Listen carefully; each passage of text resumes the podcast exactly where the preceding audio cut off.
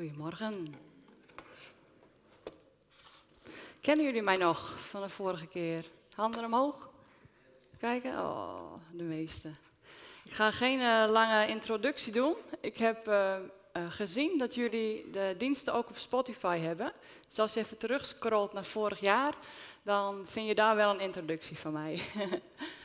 dus dit is mijn tweede keer dat ik hier ben. ik ben Sietske, ik kan natuurlijk even kort vertellen. Ik preek regelmatig, in het dagelijks leven ben ik verpleegkundige. momenteel in de thuiszorg en af en toe ook voor Mercy Ships. bij velen van jullie wel bekend, denk ik. Ja, ik zie wat mensen knikken. Goed zo. Het is een goede organisatie. En ik ben nu mijn preek al kwijt, jongens. Ik preek vandaag voor het eerst vanaf een tablet. Nooit doen. Wat, wat zeggen? Wat. oh, je doet het altijd? Oké. nou, ik ga het proberen. Uh, uh, dat ik hier sta is letterlijk een, wonder. Uh, ik heb ontzettend veel last van mijn bekken, een soort van bekkeninstabiliteit, waardoor ik wat slijmbusontstekingen heb. veel fout dus met krukken heb gelopen deze week. Dus ik heb even een stoel, dus af en toe zal ik even een extra steuntje pakken. En gisteren, ja, was ik zo, ik mag ook graag lopen trouwens. Gisteren lag ik op bed en ik had een vrij zwakke, zwakke dag gehad vanwege de problemen. En ik dacht, goh, ik, ik kan hier alleen zijn door een wonder. En ergens uh, werd ik daar wel blij van. Uh, waarom? Ik, ja, ik, werd, ik heb echt als een blok geslapen ook. Maar ik denk, ik kan hier alleen zijn als er een wonder gebeurt. Nou, ik sta hier, dus het is al een wonder. Maar het vervulde me met blijdschap. Als ik niet volledig kon vertrouwen op het wonder, had ik onrustig geslapen, weet ik zeker. Maar ik wist, God gaat een wonder doen. En ik heb het ooit uh, in Afrika meegemaakt op een heel andere manier. Toen moest ik twee preken doen in één weekend. In het Engels uiteraard. En er waren twee hele verschillende preken. De ene was voor een jeugdseminar. Uh, Daar was ik een van de zeven sprekers op een middag. En ik was nummer vier of vijf. En de volgende dag was het uh, paaszondag. En was ik in een reguliere kerk. Dus wat twee verschillende diensten. En ik had nog nooit twee preken tegelijk gemaakt. En dat, dat zeg ik dan, dat kan ik ook niet. Dus ik had me gefocust op de zaterdagmiddag voor de jeugd. En ik kwam zaterdagavond thuis op het schip dan. Ik woon op de boot, op de Mercy Ships. En ik denk, nou, moet u me nu maar helpen voor de preek van morgenochtend. en uh, ik was natuurlijk ook wel vermoeid toen, uh, want het is niet niks.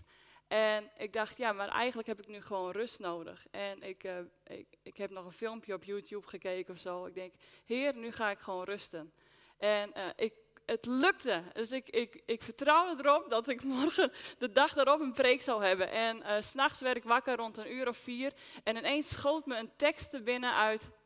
Ik denk dat het Korinthe was. Ik heb hem snel opgeschreven, ben weer gaan slapen werd om zes uur wakker. Om half zeven was de preek af. Dat is nog nooit gebeurd. Dit duurt dagen. Wie preekt er wel eens? Dit duurt, dat, heb je niet zomaar. En eh, in half zeven was de preek af. En het was een geweldige dienst en het ging gewoon goed. Dus ik weet dat ik wonderen kan verwachten. En met die, die blijdschap, zeg maar, ik moest daar echt aan, denken gisteravond. Ik denk, nou, dat gaat vandaag weer gebeuren. Dus geniet. Uh, ik geloof in een God die overwint. Ik geloof in een God die wonderen doet. Ik geloof in een God die wijsheid geeft, die inzicht geeft, die sterk is en sterkte geeft en kracht geeft. En ik geloof in een God die geneest. Amen. De vorige keer dat ik hier was, uh, had ik het over het koninkrijk van God dat het koninkrijk van God, het staat ook in, in uh, het gebed van onze Vader, hè, uh, niet alleen op, de, op, in de hemel, maar ook op aarde.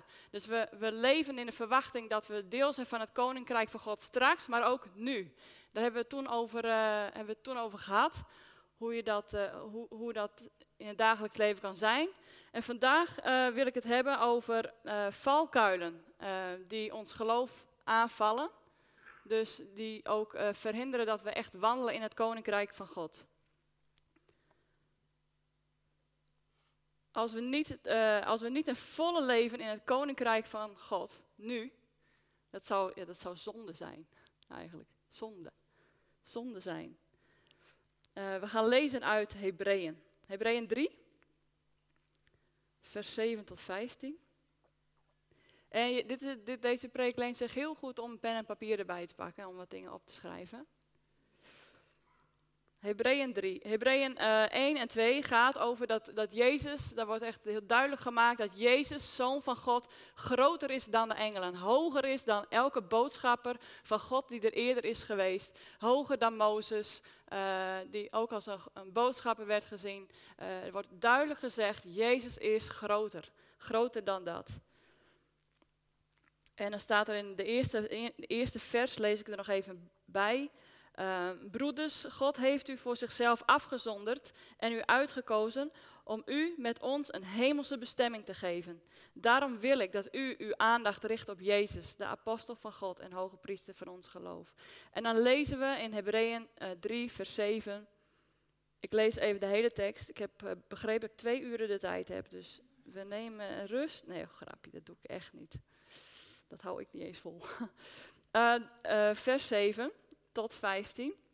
De Heilige Geest zegt immers: Horen jullie vandaag zijn stem? Wees dan niet koppig, zoals tijdens de opstand, toen jullie mij beproefden in de woestijn.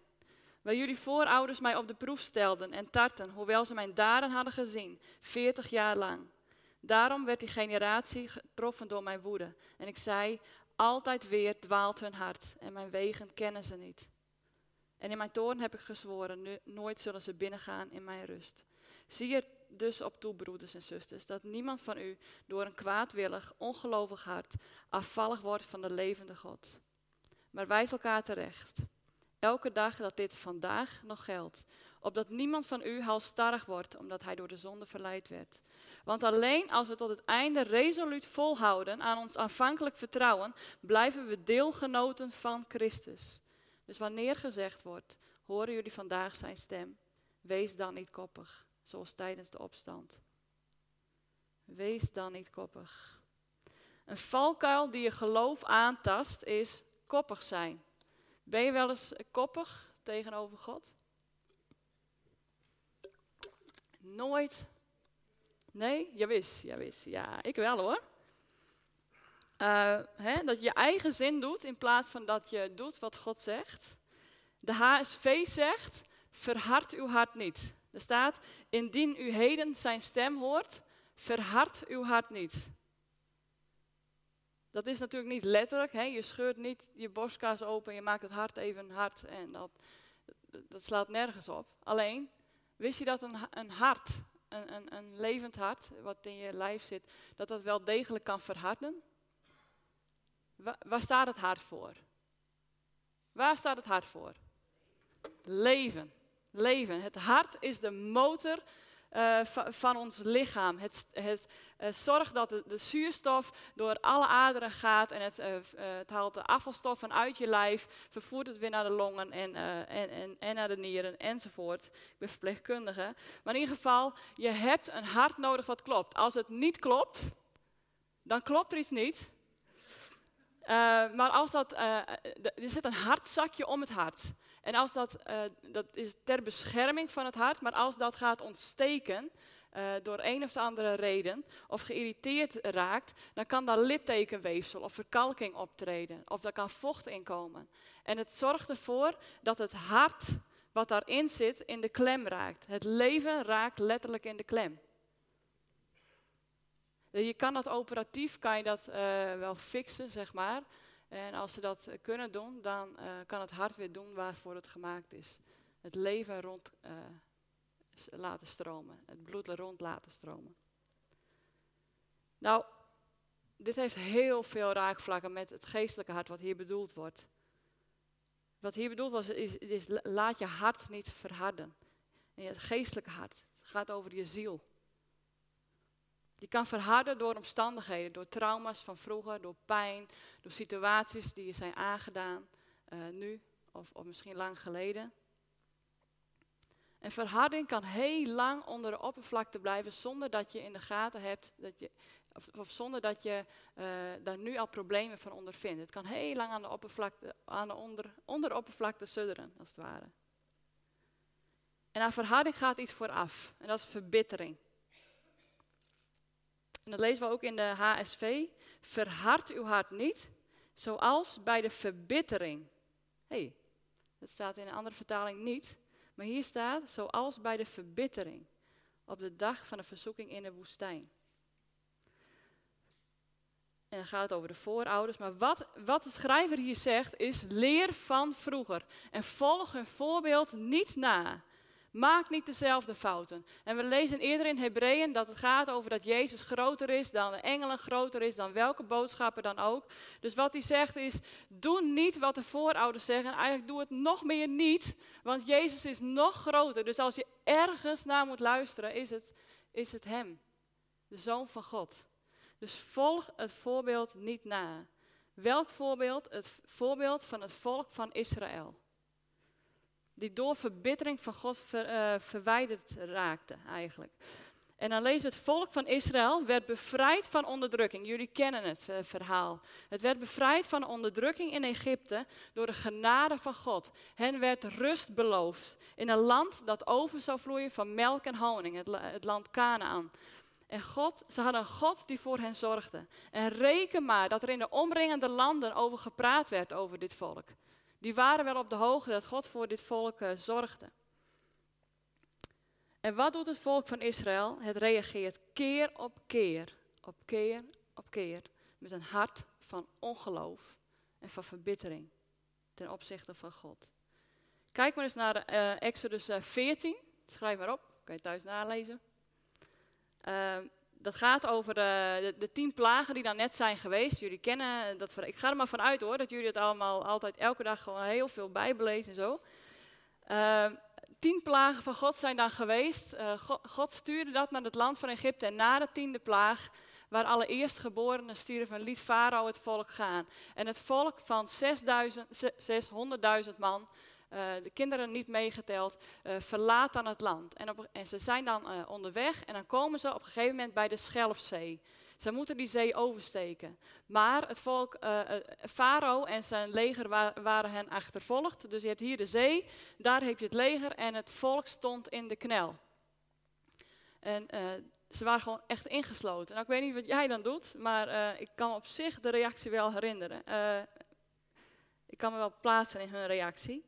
En dan staat daar, toen zij zich bewust waren van de omstandigheden, schreeuwden zij naar de Heer om hulp.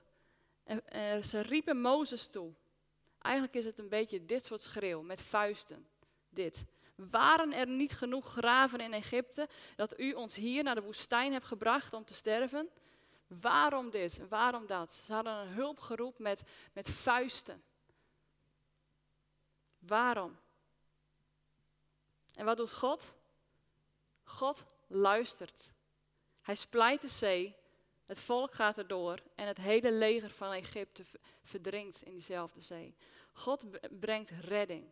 En wat mij opvalt als je dit hele verhaal leest, is dat je in dit hoofdstuk voor het eerst grote vreugde ziet bij het volk van Israël. Voor het eerst juichen, juichen ze God toe dat God een wonder heeft gedaan.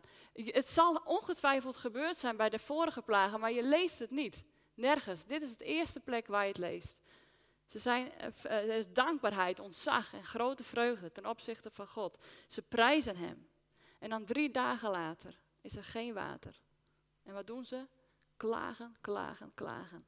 Waarom heeft God dit? En hadden we maar dit? Vuisten gebald. En wat doet God?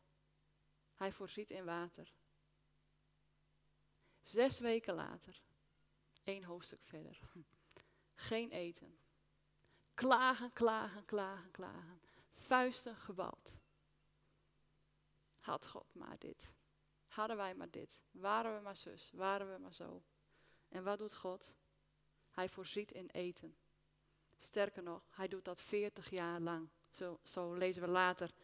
Keer op keer zie je een grote klaagzang van bitterheid, ongeloof en hardheid. En God blijft naar hen omzien. Nummer 14. Schrijf maar op. Ik pak hem erbij.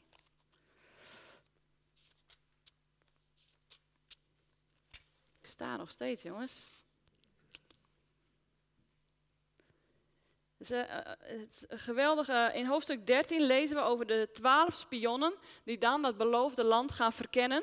En uh, tien van die spionnen, die zien het niet zitten dat ze het land innemen. Die zien veel te veel obstakels en er zijn maar twee van deze mannen die, zien, die, die weten, ja, het is fantastisch land. En ja, er zijn reuzen, maar God is aan onze zijde. En wij vertrouwen erop dat, dat wij dat kunnen innemen samen met Gods hulp. Maar goed, de meeste mensen en het hele volk zag het niet zitten. Zij vertrouwden niet op God. Er was ongeloof. Er was verbittering. Wellicht door alle jaren van onderdrukking. En dan zie je in hoofdstuk 14, als ik er even heel snel doorheen ga, uh, dat begint met toen begon het hele volk luid te klagen en het ging daar de hele nacht mee door. De stemmen vormden één grote klaagzang aan het adres van Mozes en Aaron. Waren we maar in Egypte gestorven, beklaagde zij zichzelf, of hier in de woestijn. Dat nog liever dan het land binnentrekken dat God voor ons heeft. Dat nog liever dan de plek innemen die God voor jou heeft. Even kijken, dan gaat dat verder.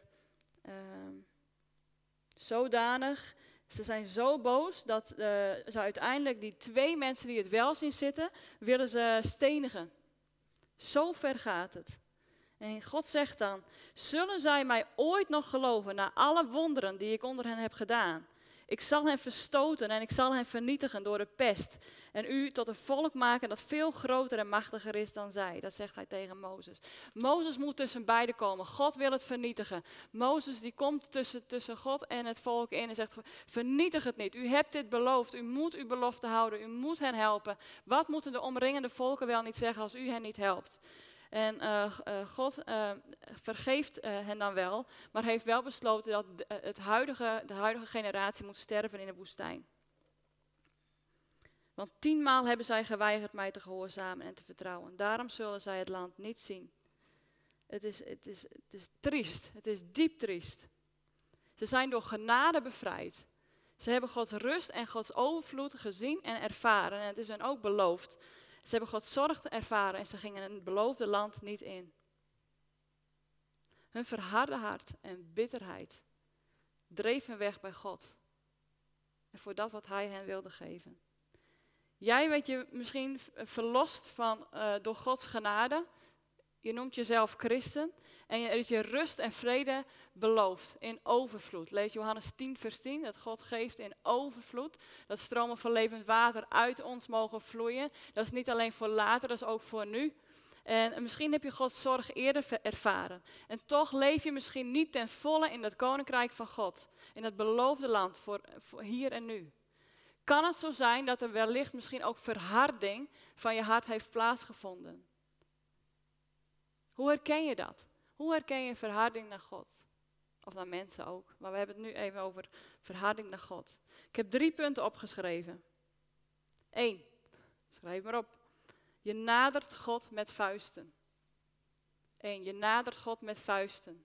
Waarom God? Eigenlijk zit hier altijd onderliggende twijfel of bitterheid um, in. Ik weet nog dat ik een tijd uh, terug was ik uh, onrustig en ik, ik ging naar God uh, ik lag even lekker op de grond en ik had een muziekje aan en een paar uren en er gebeurde niks. Ik was maar onrustig en ik werd boos. Ik zei van Heer, ik ben nog steeds onrustig. Ik ben al een paar uur zoek ik uw nabijheid en u zegt in uw woord, ik haal het woord van God er ook nog bij. U zegt in uw woord hè, dat komt tot mij, allen die vermoeid en belast zijn en ik zal u rust geven. Nou, denk ik, ik heb mijn deel gedaan. Erg hè? Maar goed, dit, weet je, ik was gewoon boos op een gegeven moment. Ik denk, toen nou Heer, ik zoek u, u weet dat mijn hart naar u uitgaat. Wat is dit? En er gebeurde niets. Uren, uren, uren. Ik had de dagen gewoon uh, gegeven aan God. Ik denk, ik, ik wil die rust terug. En ik appte een vriendin op een gegeven moment. Ik zei, het lukt niet zo. Ik, ik, ervaar God niet. En ze zei, nou, uh, God laat zich misschien op een andere manier vinden dan dat jij hem zoekt. God is er wel, God laat zich kennelijk op een andere manier vinden dan dat jij hem nu zoekt. Dus ik heb alles maar even aan de kant gelegen, eh, gelegd. En ik denk, weet je, ik zet gewoon een preek op. Willekeurig had uh, iemand in gedachten, dus ik denk, zet de preek op. En die preek ging over geloof, het gebrek aan geloof. En die sloeg in. En uh, op, dat, op dat moment kwam er weer een ommekeer in mijn leven en kon ik God weer geloven voor zaken waar ik in, waarin ik het geloof was uh, kwijtgeraakt. Dus ik had hem genaderd met vuisten en toen wist ik weer, nee, God, ik zat fout. Ik heb u niet meer geloofd. Mijn hart was verhard. God bracht genezing en uh, daar geniet ik nog steeds van. Twee is, tweede reden om verharding te herkennen, is je betrekt God niet meer op bepaalde gebieden in je leven. Dat kan bewust. Uh, in de tekst staat uh, altijd dwaalt, zij dwalen telkens af. Altijd weer dwaalt hun hart. Mijn wegen kennen ze niet. Dat is bewust. Dat dwalen, daar staat planeo. En dat betekent bewust een andere weg kiezen. Dit zie je bij zonde. Bij zonde kan je als het ware even God uitschakelen voor zover. En dan doe je het toch. En daarna ben je weer uh, gewoon christen, zeg maar. Hè? Uh, we herkennen het vast wel. Het is bewust, bewust God even uh, niet om advies vragen. Of bewust even je afkeren van God. Het kan ook onbewust moest laatst een nieuwe auto kopen en uh, de oude was kapot, ik moest een nieuwe. Ik denk, hier heb ik geen uh, tijd voor om dat allemaal uit te zoeken. Heer, ik heb een nieuwe auto nodig, dit en dat heb ik nodig. En ik had een uh, appje uitgestuurd en binnen een paar dagen was het geregeld. Ik ben super blij met een andere auto. En die automonteur raakte ik mee in gesprek. En ik zei zodat ik hiervoor aan het bidden was. Oh, hij zei, ik, ik wist helemaal niet dat je God bij zulke dingen ook kon betrekken. Nou, ik zei, jij bent automonteur, jij hebt Gods hulp niet nodig waarschijnlijk bij auto's. Maar ik wel. Maar uh, hij, hij, was wel onder indruk. En het was, nou ja, hij is uiteindelijk gedoopt een paar weken later. Hij was al gelovig. Maar dit is echt, dit was uh, zo'n gevalletje van God onbewust niet betrekken bij zaken. Valt niet echt onder hardheid. Maar ik wil hem wel benoemen. Dat bewust God niet betrekken niet altijd verharding is. En niet of God niet betrekken is niet altijd bewust, kan ook onbewust zijn. De derde en laatste die ik nu opgeschreven heb, waarin je herkent uh, wat verharding richting God is, is dat je je geloofsverwachting naar beneden hebt bijgesteld. En ik denk dat we hier allemaal in meer of mindere mate mee te maken hebben. Je verwacht minder van God, zodat je niet teleurgesteld kan worden. Je verwacht minder van God, zodat je de confrontatie met je geloof in God niet hoeft aan te gaan. Bijvoorbeeld, je bent gestopt met geloven dat God ook tot jou kan spreken.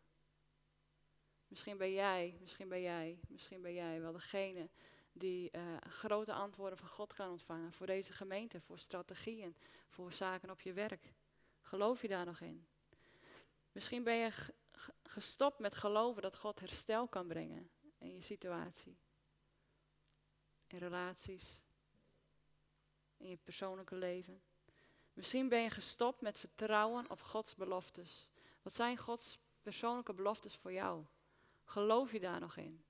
Of heb je ze aan de kant gelegd? Wat je uiteindelijk doet, is je stelt je geloof bij, naar beneden. En daarmee geef je ruimte aan ongeloof en twijfel. En Gods liefdevolle stem is er, maar hij wordt zachter en zachter en verdwijnt naar de achtergrond. En stiekem aan begrijp je niet waarom het geloof in God zo krachteloos is geworden. Het is bijna dwalen hier. Wat? Het is dwaal. Dwaling. Verharding. Weet je nog, nummer, nummer 14? Ik pak hem er nog even bij.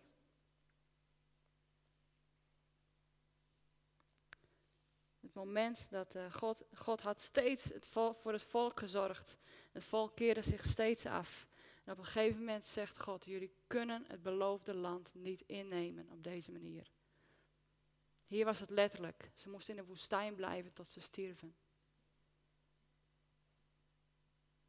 Toen Mozes deze woorden van God overbracht op het volk, dat ze niet het beloofde land in konden gaan, was dit de reactie van het volk. Er heerste diepe rouw in het kamp. Vers 40, 14, vers 40. De volgende morgen was iedereen, het volk van Israël, vroeg op en zij trokken in de richting van het beloofde land. Hier zijn wij, zeiden zij. Wij weten dat we hebben gezondigd, maar nu staan we klaar uh, om het land dat de Heer ons heeft beloofd binnen te trekken. Berouw, ze wil het land binnentrekken. Maar, maar, God, uh, sorry, maar Mozes zei, het is nu te laat. Het is te laat. Het kan niet meer. Ik heb mijn besluit gemaakt. Heftig, hè? Het is te laat, zegt God. Er komt een moment dat het te laat is. Voor jou is het nu nog niet te laat. Dat lezen we straks. Weet je, het is zo gemakkelijk om over zo'n tekst heen te lezen. Je leest Hebreeën en het is prachtig. En op een gegeven moment lees je, doe niet zoals de voorouders, doe niet zoals Israël. Maar als je werkelijk kijkt naar de tekst en werkelijk kijkt naar de houding van Israël, zijn wij dan wel zo anders? Is er ook niet vaak verharding in ons hart? Het is een pittige vermaning eigenlijk, maar het is er één uit liefde. We kunnen niet met een verhard hart ten volle Gods glorie door ons leven laten stromen. Dus het is goed dat de Bijbel ons, uh, onze tegenstander is, als het ware. Dat Hij ons aanspreekt op dat wat niet goed is. Dat Hij de, de harde plek in ons hart laat zien, opdat Hij genezing kan brengen. Als wij dat stukje weer teruggeven aan Hem. Als de twijfel en ongeloof is, dat we het weer terug kunnen brengen aan Hem. Ik herken het regelmatig. Ik bid regelmatig, Heer, toets mijn hart, toets mijn hart, laat maar zien. Laat maar zien. En het gaat een leven lang door. En soms komen er nieuwe verhardingen bij. Dus wees alert, laat Gods geest tot je spreken. Ik heb één keer gehad dat het niet zo, eh, weet niet, dan had ik een week niet Bijbel gelezen of zo. En ik had er ook niet zoveel zin in of te druk. En midden in de nacht werd ik wakker, wat een hoge uitzondering is voor mij. En ik heb de Bijbel-app aangezet. Hebben jullie de YouVersion Bijbel-app? Die kan je gewoon op play en dan leest hij gewoon voor. Dus ik heb heel veel gewoon die hele nacht volgelezen. En ineens opende er zich weer wat in mijn geest. En kreeg ik weer verlangen om te lezen. Het kan soms zo simpel zijn. Er is een tegengif. Een vaccin eigenlijk. tegen uh, ongeloof, tegen verharding, tegen verbittering. En we lezen het in uh, Hebreeën 3, het laatste stukje. We hebben het al gelezen. Hebreeën 3, vers 12. Pas, erop, eh, pas er dus voorop, broeders, dat geen van u slecht en ongelovig wordt, doordat hij zich in zijn hart afkeert van de levende God. Dit is het vaccin. U moet hier elke dag met elkaar over spreken. Nu er nog een tijd voor is. In een andere vertaling staat, uh, zolang het nog vandaag is. Of zolang men nog van een heden kan spreken. Nou, dat is nu. U zit hier nu, dus u leeft nog. Zolang er leven is, is er redding. En is er een nieuwe start mogelijk. Dus zolang er men nog van een heden kan spreken. Want niemand van u mag zich door de betovering van de zonde laten verharden, zodat hij niet meer naar God luistert. Want alleen als we tot het einde toe resoluut vasthouden aan ons aanvankelijk vertrouwen, blijven we deelgenoot van Christus. Maar dat geldt vooral voor nu. Vergeet nooit deze waarschuwing. Vergeet nooit deze waarschuwing. Als u de stem van God hoort, verhard u niet, zoals het volk Israël, dat zich in de woestijn tegen hem verzette.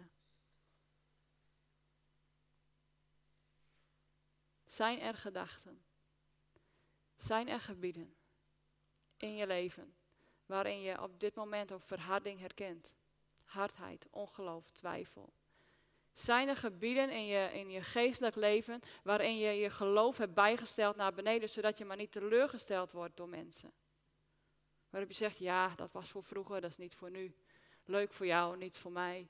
Uh, God geneest niet altijd. Of, uh, nou ja, noem maar op. Waar heb je je geloof bijgesteld? Wil je vragen, breng het bij God. Hij is de overwinnaar. Hij is de redder. Hij kan je hart weer zacht maken. Hij is degene die het hart kan zacht maken, mits je het bij hem brengt. Je zal het hart zelf moeten geven. Hij kan het zacht maken. Hij zal nieuwe wegen bekendmaken in situaties. Hij brengt genezing, bevrijding, verlossing. Muziekteam mag komen. Dat ik hier sta is een wonder. ik dacht dat het dwaasheid was, maar het is uh, vertrouwen in God. En ik wil uh, ja, gewoon echt God danken dat God een God is van uh, redding en verlossing.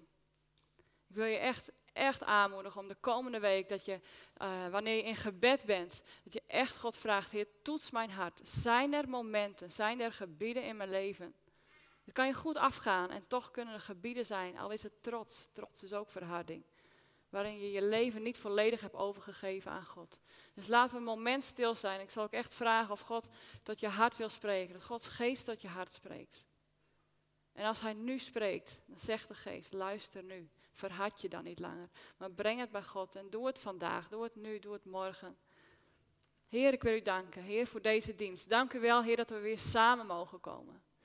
Heer, dank u wel, Heer, dat we ja, op deze manier ook gewoon elkaar tot steun kunnen zijn. Heer, samen uw, naar uw woord mogen luisteren, samen van u mogen leren. Heer, dank u wel, Heer, dat u een gemeente zijn, Heer, familie zijn, dat u het zo heeft bedacht.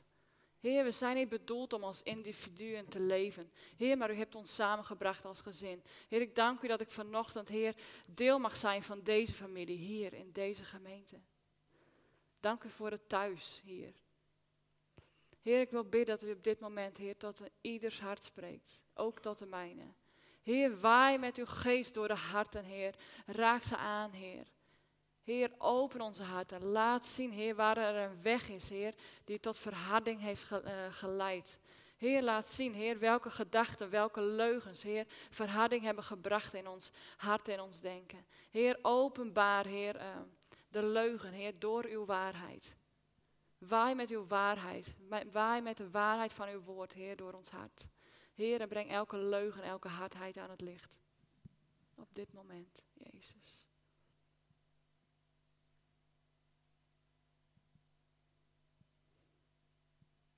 Heer, en ik bid dat u komt, Heer, met nieuwe liefde, Heer, met nieuwe stromen van liefde, Heer.